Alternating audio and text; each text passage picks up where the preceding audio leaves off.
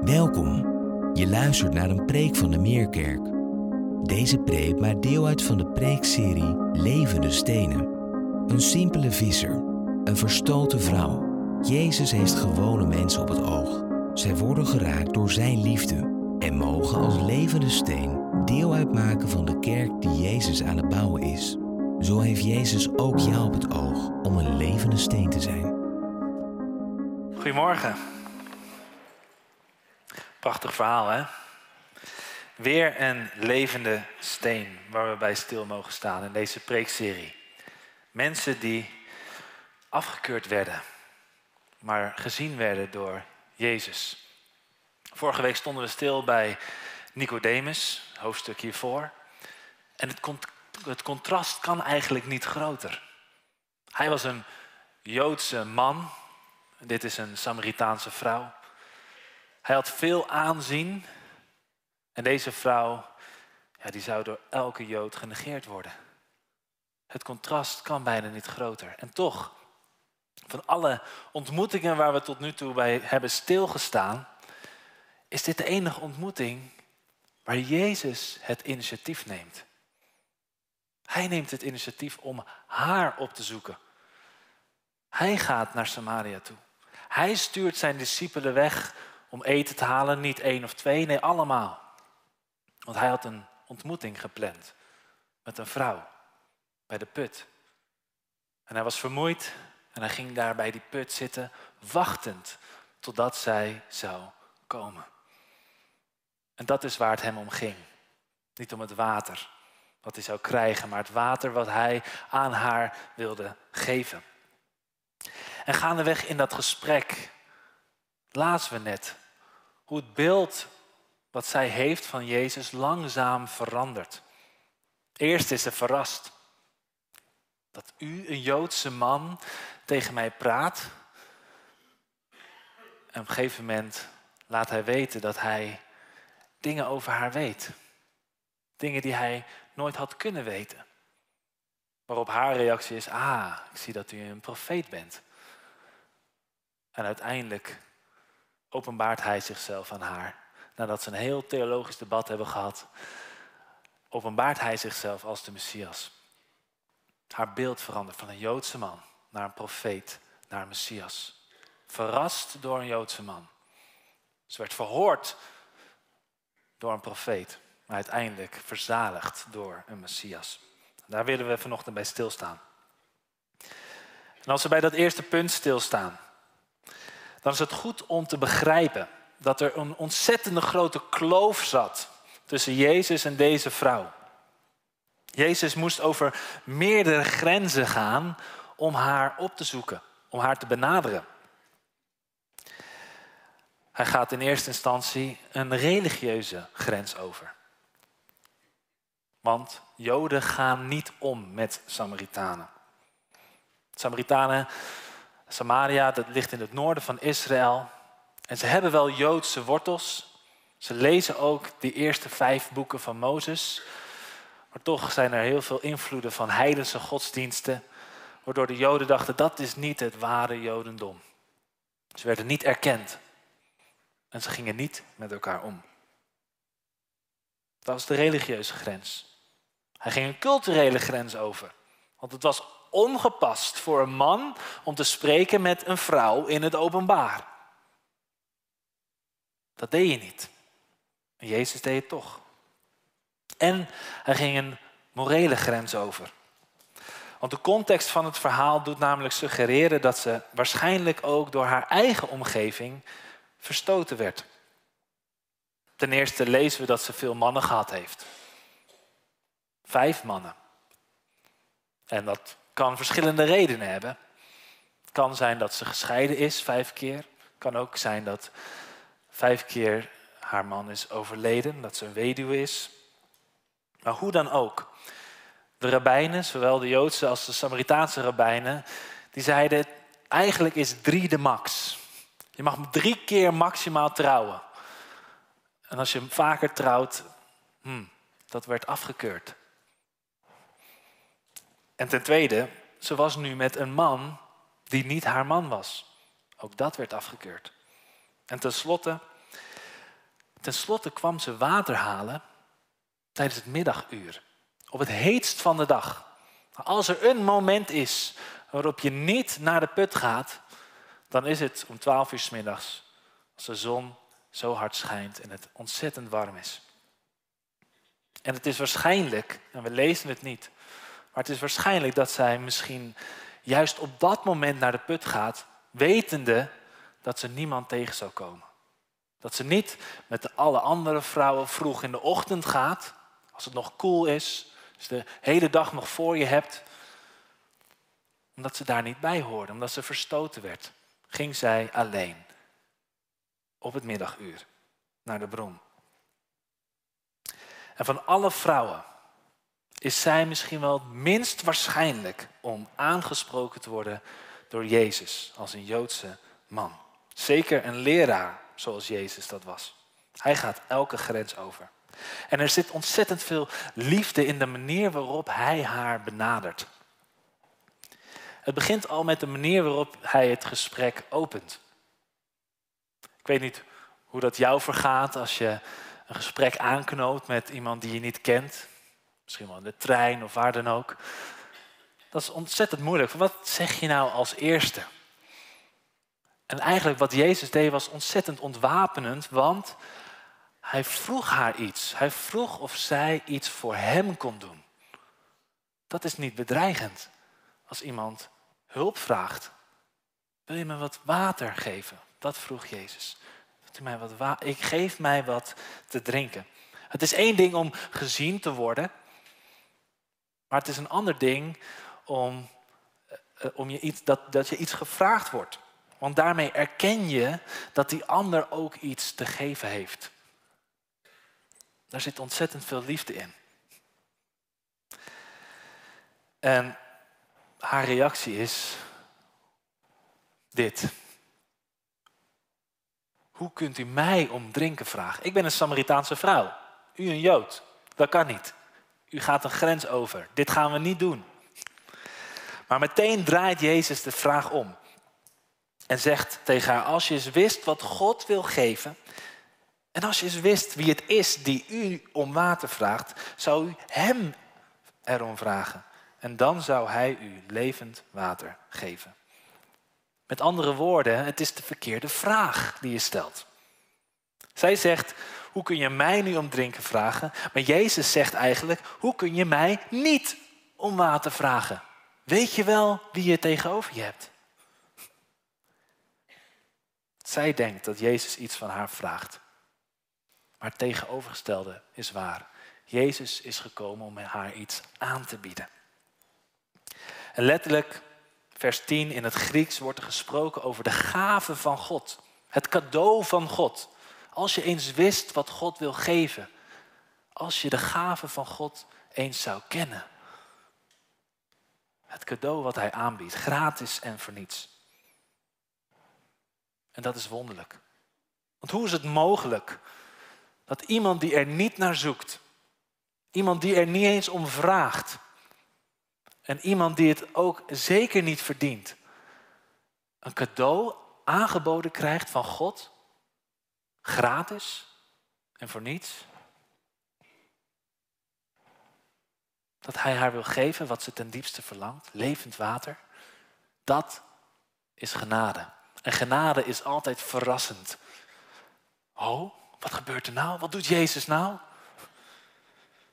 Het is geen voorspelbare voor wat hoort wat religie.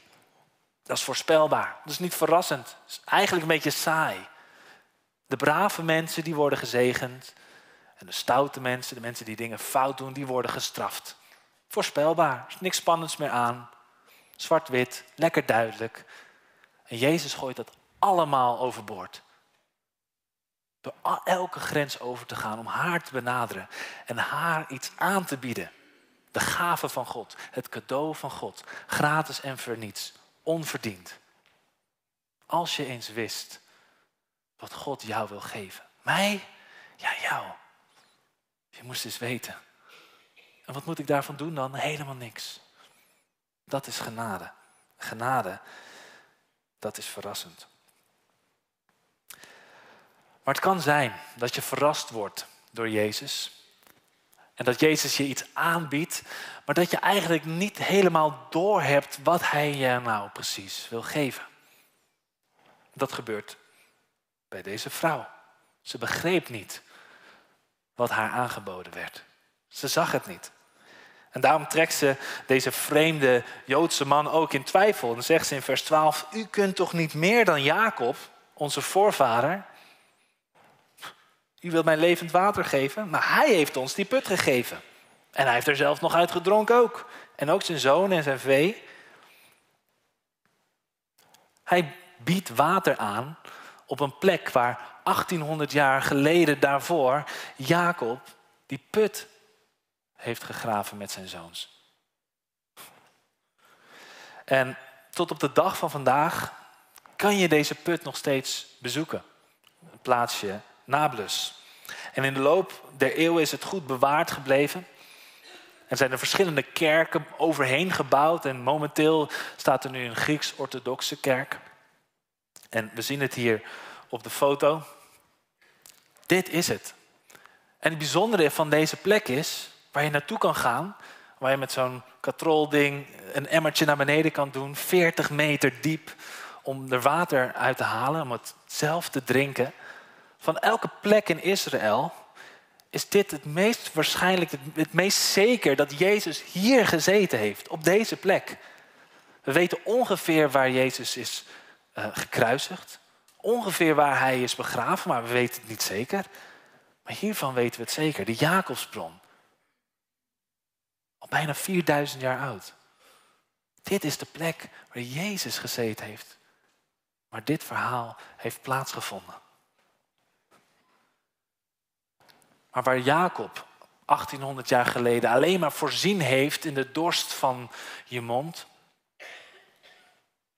Daar wil Jezus de dorst van het hart lessen. Door levend water aan te bieden. En dat zegt hij. Die prachtige woorden. Johannes 4, vers 13 en 14. Iedereen die dit water drinkt zal weer dorst krijgen. Maar wie het water drinkt dat ik hem geef, zal nooit meer dorst krijgen. Ik heb wel eens bedacht, als ik ooit een dopper ga kopen, ga ik deze tekst erop laten printen. Dat is toch prachtig? Iedereen die dit water drinkt, zal dorst krijgen. Maar wie het water drinkt dat ik hem geef, zal nooit meer dorst krijgen. Het water dat ik geef, zal, ik, zal in hem een bron worden waaruit water opwelt dat eeuwig leven geeft. Ze weet nog niet met wie ze te maken heeft. Iemand die meer is dan Jacob. En hij biedt haar dat aan, maar zij denkt nog steeds vanuit haar eigen perspectief.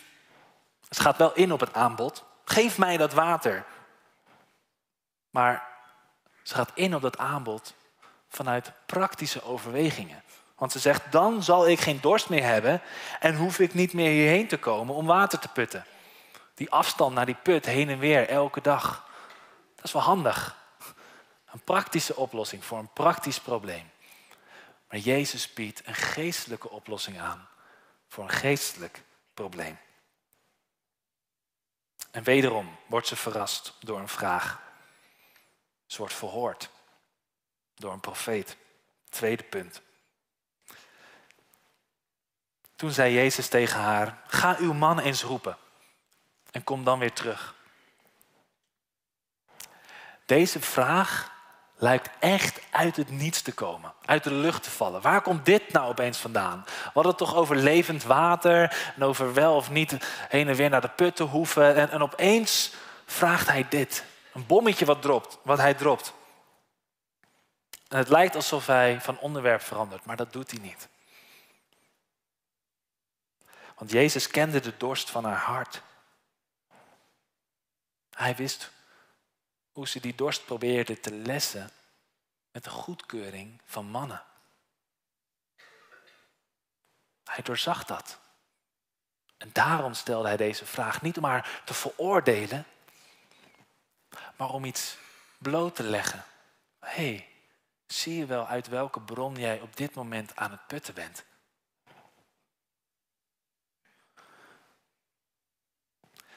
En daarom moeten wij ook haar niet veroordelen. Maar nodigt het verhaal ons uit om te kijken naar uit welke bronnen wij putten in het dagelijks leven? Waar putten wij uit om een gevoel te krijgen van vervulling, van verzadiging? En we doen het allemaal. En je hoort het ook keer op keer van mensen die krijgen waar ze hun hele leven al van gedroomd hebben. De roem, de faam, het geld. En erachter komen dat die leegte van binnen nog steeds aanwezig is. Het vervult niet de dingen op deze aarde. Uiteindelijk kom je bedrogen uit als je hoopt dat iets in dit leven jou een soort ultiem gevoel van verzadiging gaat geven. Dat gaat het niet doen.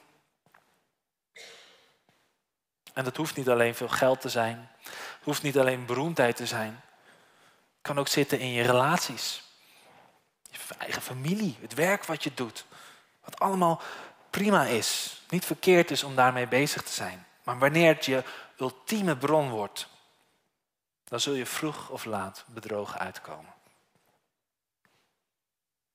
Het gevoel van voldoening, wat een nieuwe baan je kan geven. Ah, lekker bezig, maar uiteindelijk hebt dat gevoel misschien wel weer weg. Of die verliefdheid van die nieuwe relatie. Aan het begin voelt het zo, oh, alsof dit gevoel nooit meer weggaat. Maar de tijd zal het leren hoe lang dat vol blijft, hoe lang je dat vol blijft houden.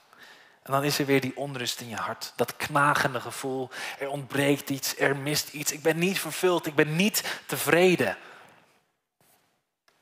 Wat doe je dan? Je geeft van alles de schuld. Je geeft van alles en nog wat de schuld. Waarom jij niet verzadigd bent. Waarom jij niet tevreden bent. En dan koop je dan maar een duurdere auto. Want deze auto was het toch niet helemaal. Of dan verander je toch maar weer van baan. Want ja, bij deze baan ja, zat geen uitdaging meer in. Ik moet weer iets nieuws hebben. Dan kies je maar een leukere vrouw. Want ja, deze relatie, dat was het ook niet helemaal. Altijd op zoek naar vervulling en verzadiging. En we geven dingen de schuld en we gaan het op andere plekken zoeken. Maar dat, daarmee pakken we niet het probleem aan. Het probleem is, je zoekt het bij de verkeerde bron. Je kijkt op de verkeerde plekken. Dat is het probleem. Je drinkt uit de verkeerde bronnen. Hij kaart dit niet aan om haar te veroordelen, om het bloot te leggen. Zie je uit welke bronnen jij aan het putten bent? En Jezus beaamt wat ze zegt. Het klopt. Je hebt vijf mannen gehad en de man waar je nu mee bent, dat is je man niet. En dan stel ik me zo voor dat er een stilte is gevallen in hun gesprek. Dat zij helemaal perplex stond. Hoe kan hij dit weten? En dat ze zichzelf dan weer herpakt en zegt: Ik zie dat u een profeet bent. U weet dingen van mij die niemand anders zou kunnen weten. In ieder geval niet een vreemde Joodse man. En omdat ze denkt dat hij een profeet is en wellicht omdat ze niet over haar eigen persoonlijke zaken wil spreken, verandert zij het onderwerp. En snijdt ze een theologisch debat aan. Namelijk de vraag, op welke berg moet God vereerd worden? Deze berg, de Gerizim, de berg waar de Samaritanen een tempel hebben gebouwd, waar zij naartoe gingen om God te eren, of de tempel in Jeruzalem. Wat is de juiste plek? Welke berg? Waar moet God vereerd worden? En met die vraag stelt ze Jezus op de proef. Is hij wel een echte profeet? Hm? En uit dit antwoord moest blijken voor haar of dat het geval was. Maar zij wilde weten wat de juiste plek was om te aanbidden, maar dit theologische vraagstuk was binnenkort helemaal niet meer relevant. En dat is wat Jezus zegt. Er komt een nieuwe tijd. Er komt een tijd, vers 23, en die tijd is nu gekomen dat wie de Vader echt aanbidt, Hem aanbidt, vervuld van geest en waarheid. Velen lezen dit en denken, oh ja, nu Jezus is gekomen, maakt het niet meer uit waar je bent. Hoef je niet meer naar een tempel, maar kan je God overal aanbidden. Dat is handig. Eigenlijk is dat ook een beetje gedacht zoals de Samaritaanse vrouw. Een praktische oplossing. Ha, ik kan ook in de auto nu God aanbidden. En ik kan nu ook, waar ik ook ben, op het strand, in het bos. En dat is waar, maar dat is niet het punt wat Jezus hier maakt. Jezus zegt niet, je hebt geen tempel meer nodig. Je hebt wel een tempel nodig. Je hebt wel een plek nodig waar er geofferd wordt. Je hebt wel een plek nodig waar er wordt afgedaan met jouw zonde. Je kan niet zonder zo'n plek. Je hebt een tempel nodig. Anders kan niemand van levend water drinken dat eeuwig leven geeft. Als er niet afgedaan wordt met jouw zonde. Jezus zegt niet al die offers in die tempels, wat een onzin al die jaren. Nee joh, God is genadig. Hij ziet het allemaal door de vingers. Maakt niet uit. Je hebt geen tempel meer nodig. Hij vergeeft jullie gewoon. Nee. Wat Jezus zegt hier tegen die vrouw. Is, het is niet die tempel. Het is ook niet die tempel. Ik ben de tempel. Ik ben het offer. Dat is de tijd die nu aanbreekt. Letterlijk in het Grieks zegt hij, het uur is aangebroken. En elke keer als Jezus spreekt in het Johannesevangelie over het uur wat is gekomen, spreekt hij over zijn lijden, zijn sterven en zijn opstaan. Het uur van zijn sterven. Dat is aangebroken. En dat zet alles op zijn kop. Niets is meer hetzelfde. Ik ben nu de tempel. Ik ben nu het ultieme offer voor jouw zonde. Kom naar mij. Kom naar mij. Aanbid in geest en in waarheid. God is geest. Dus aanbidding is een geestelijke zaak. Het gaat niet alleen over de dingen die je doet aan de buitenkant, maar het gaat over jouw hart. Wat speelt er in jouw hart? Dat is wat Jezus kent. En in waarheid. Jezus wijst niet de weg naar de waarheid. Doe dit en doe dit en doe dit. Of God, als je God wil vinden, dan moet je daarheen. Nee, Jezus noemt zichzelf de waarheid. Ik ben de waarheid. Hij is de plek. Bij Hem gebeurt het. Hij is de Messias. En dat is de conclusie van hun gesprek. Ik ben de Messias. Ik heb alles op zijn kop gezet. En dat heeft hij gedaan door zich te laten kruisigen door onze zondelast te dragen in onze plaats. En dat is het evangelie. En dat zullen we straks ook gedenken in brood en wijn. Maar zie je wat dit evangelie betekent voor jou? Hoe dichtbij dit komt? De Samaritaanse vrouw wel. Het begint bij haar te landen. Maar ze eerst nog gedacht moet hebben, poeh, gelukkig weet deze man niet over mijn verleden, over mijn diepste geheimen. Anders zou hij mij dit levende water niet aanbieden.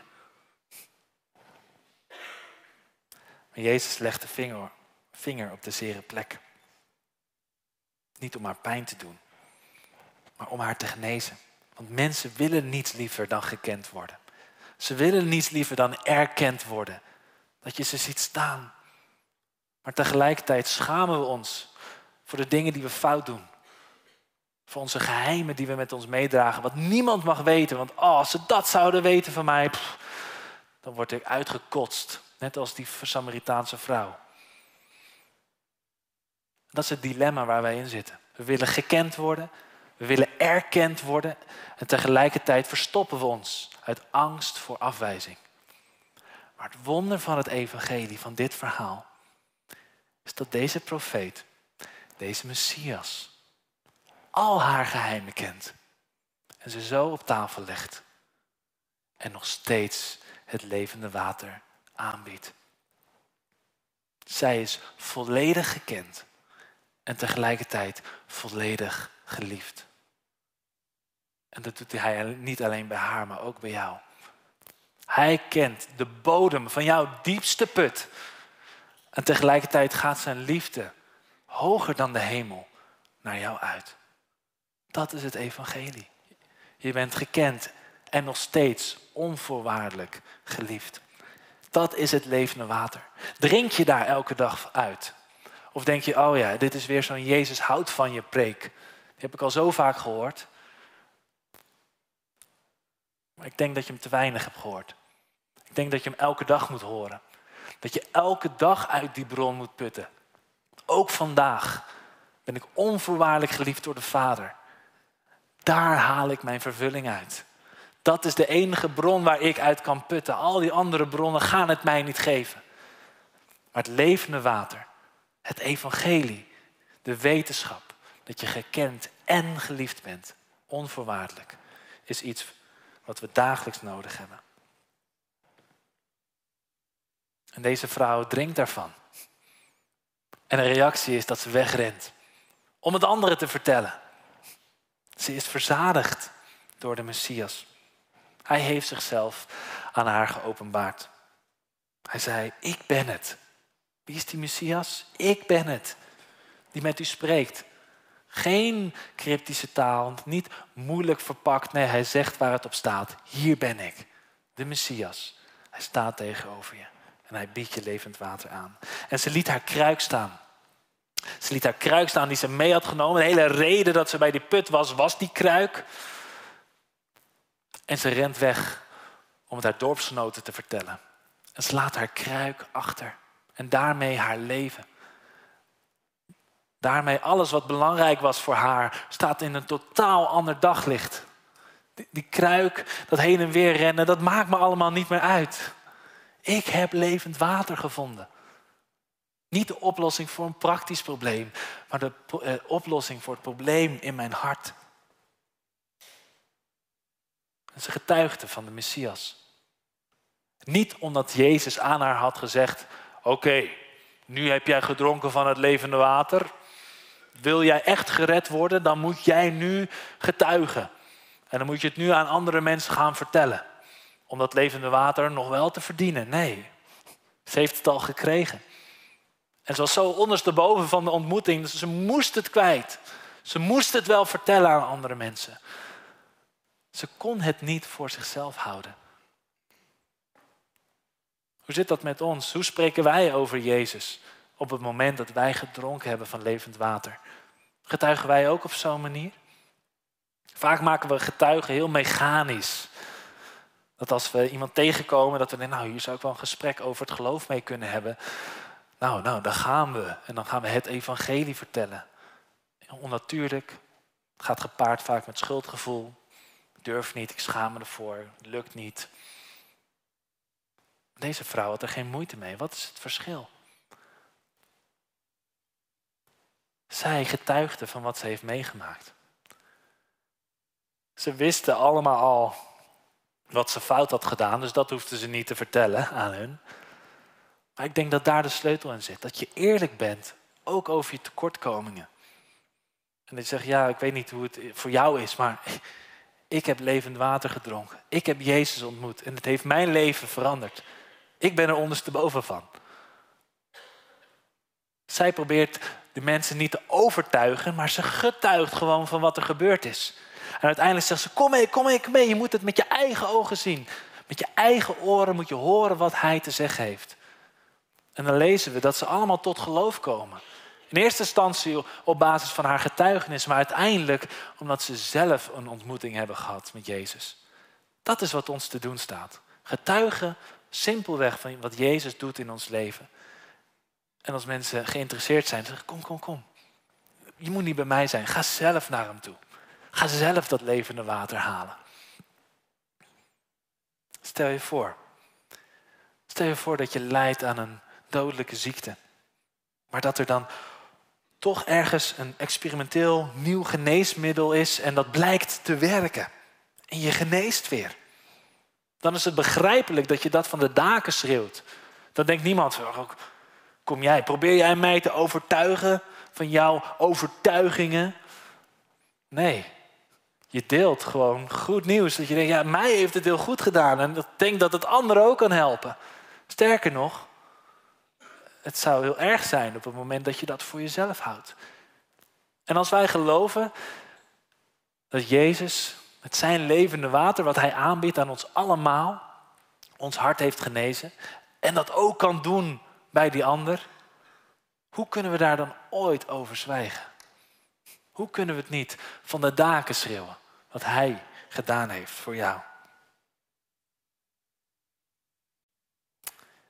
En dit is het verschil.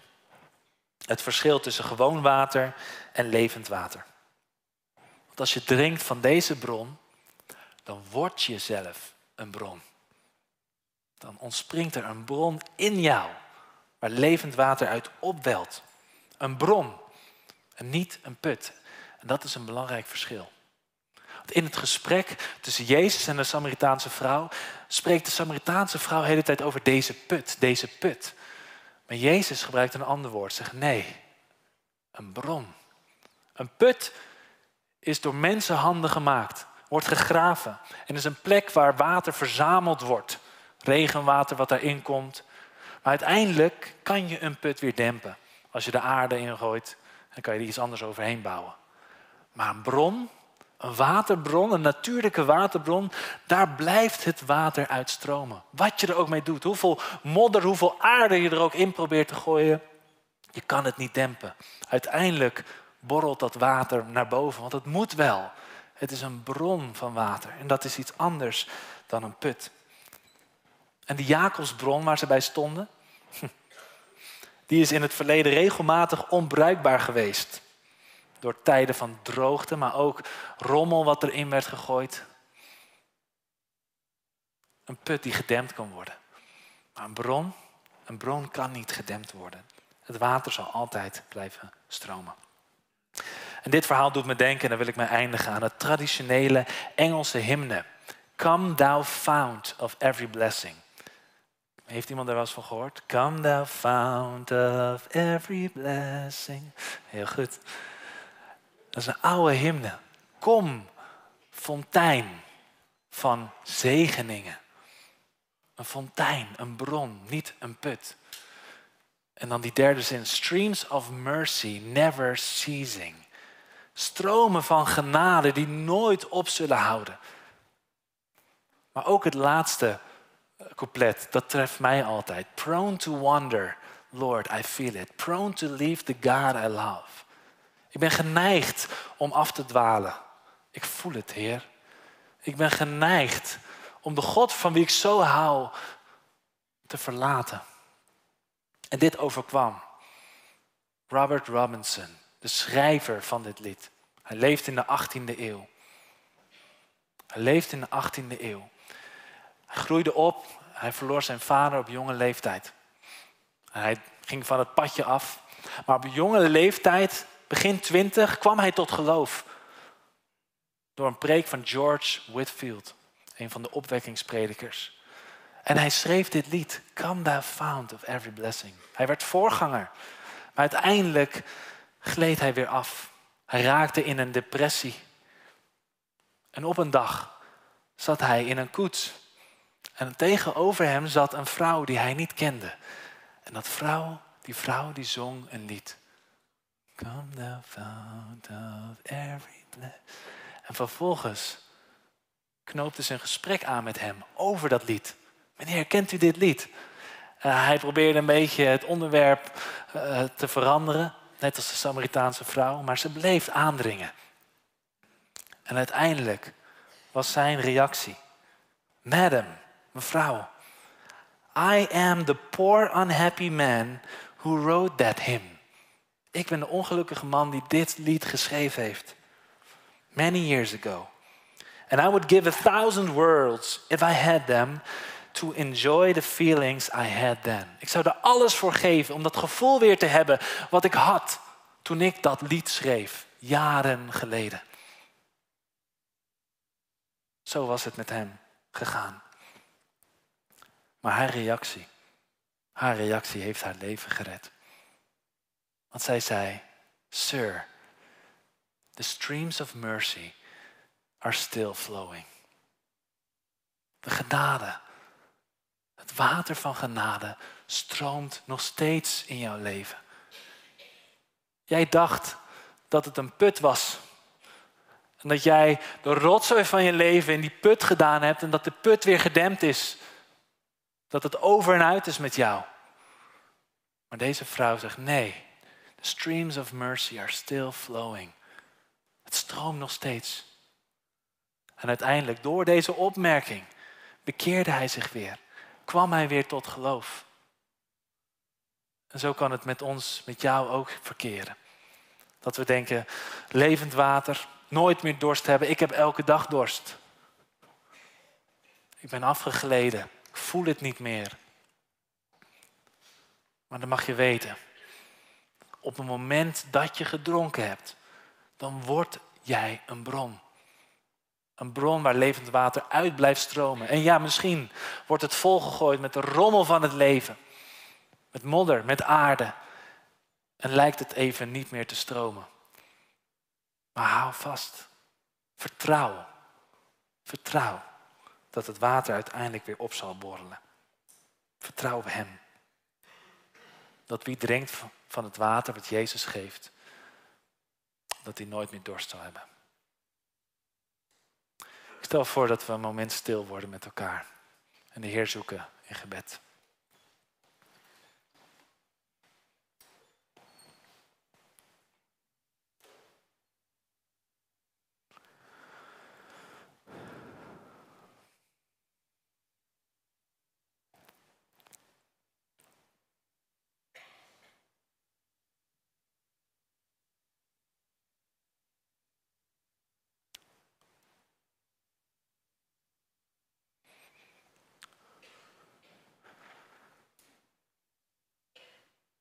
O Heer, hoor onze gebeden.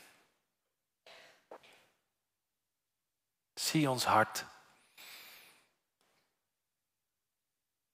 U ziet uit welke bronnen wij proberen te putten in het leven. Maar vergeef ons, Heer, als dat andere bronnen zijn dan U. Als we het van andere dingen verwachten dan van U en U alleen. Maar dank u wel voor uw ongelooflijke genade dat u ons op het oog heeft. Dat u ons dat water aanbiedt.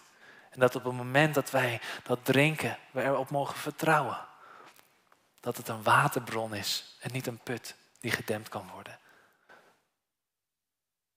Maar dat die waterstromen van genade zullen blijven stromen in ons leven. En u ziet het, Heer, waar we ons hart mee vol kunnen gooien met de aarde en het vuil van dit leven de foute keuzes die we soms kunnen maken. Maar uiteindelijk mogen we erop vertrouwen, Heer, dat streams of mercy are still flowing. Ook in ons hart. We willen u danken voor uw ongelooflijke genade. Dat u van ons houdt, terwijl u onze diepste geheimen kent. Wat een onvoorwaardelijke liefde. Wat een evangelie. Wat een Messias. Amen.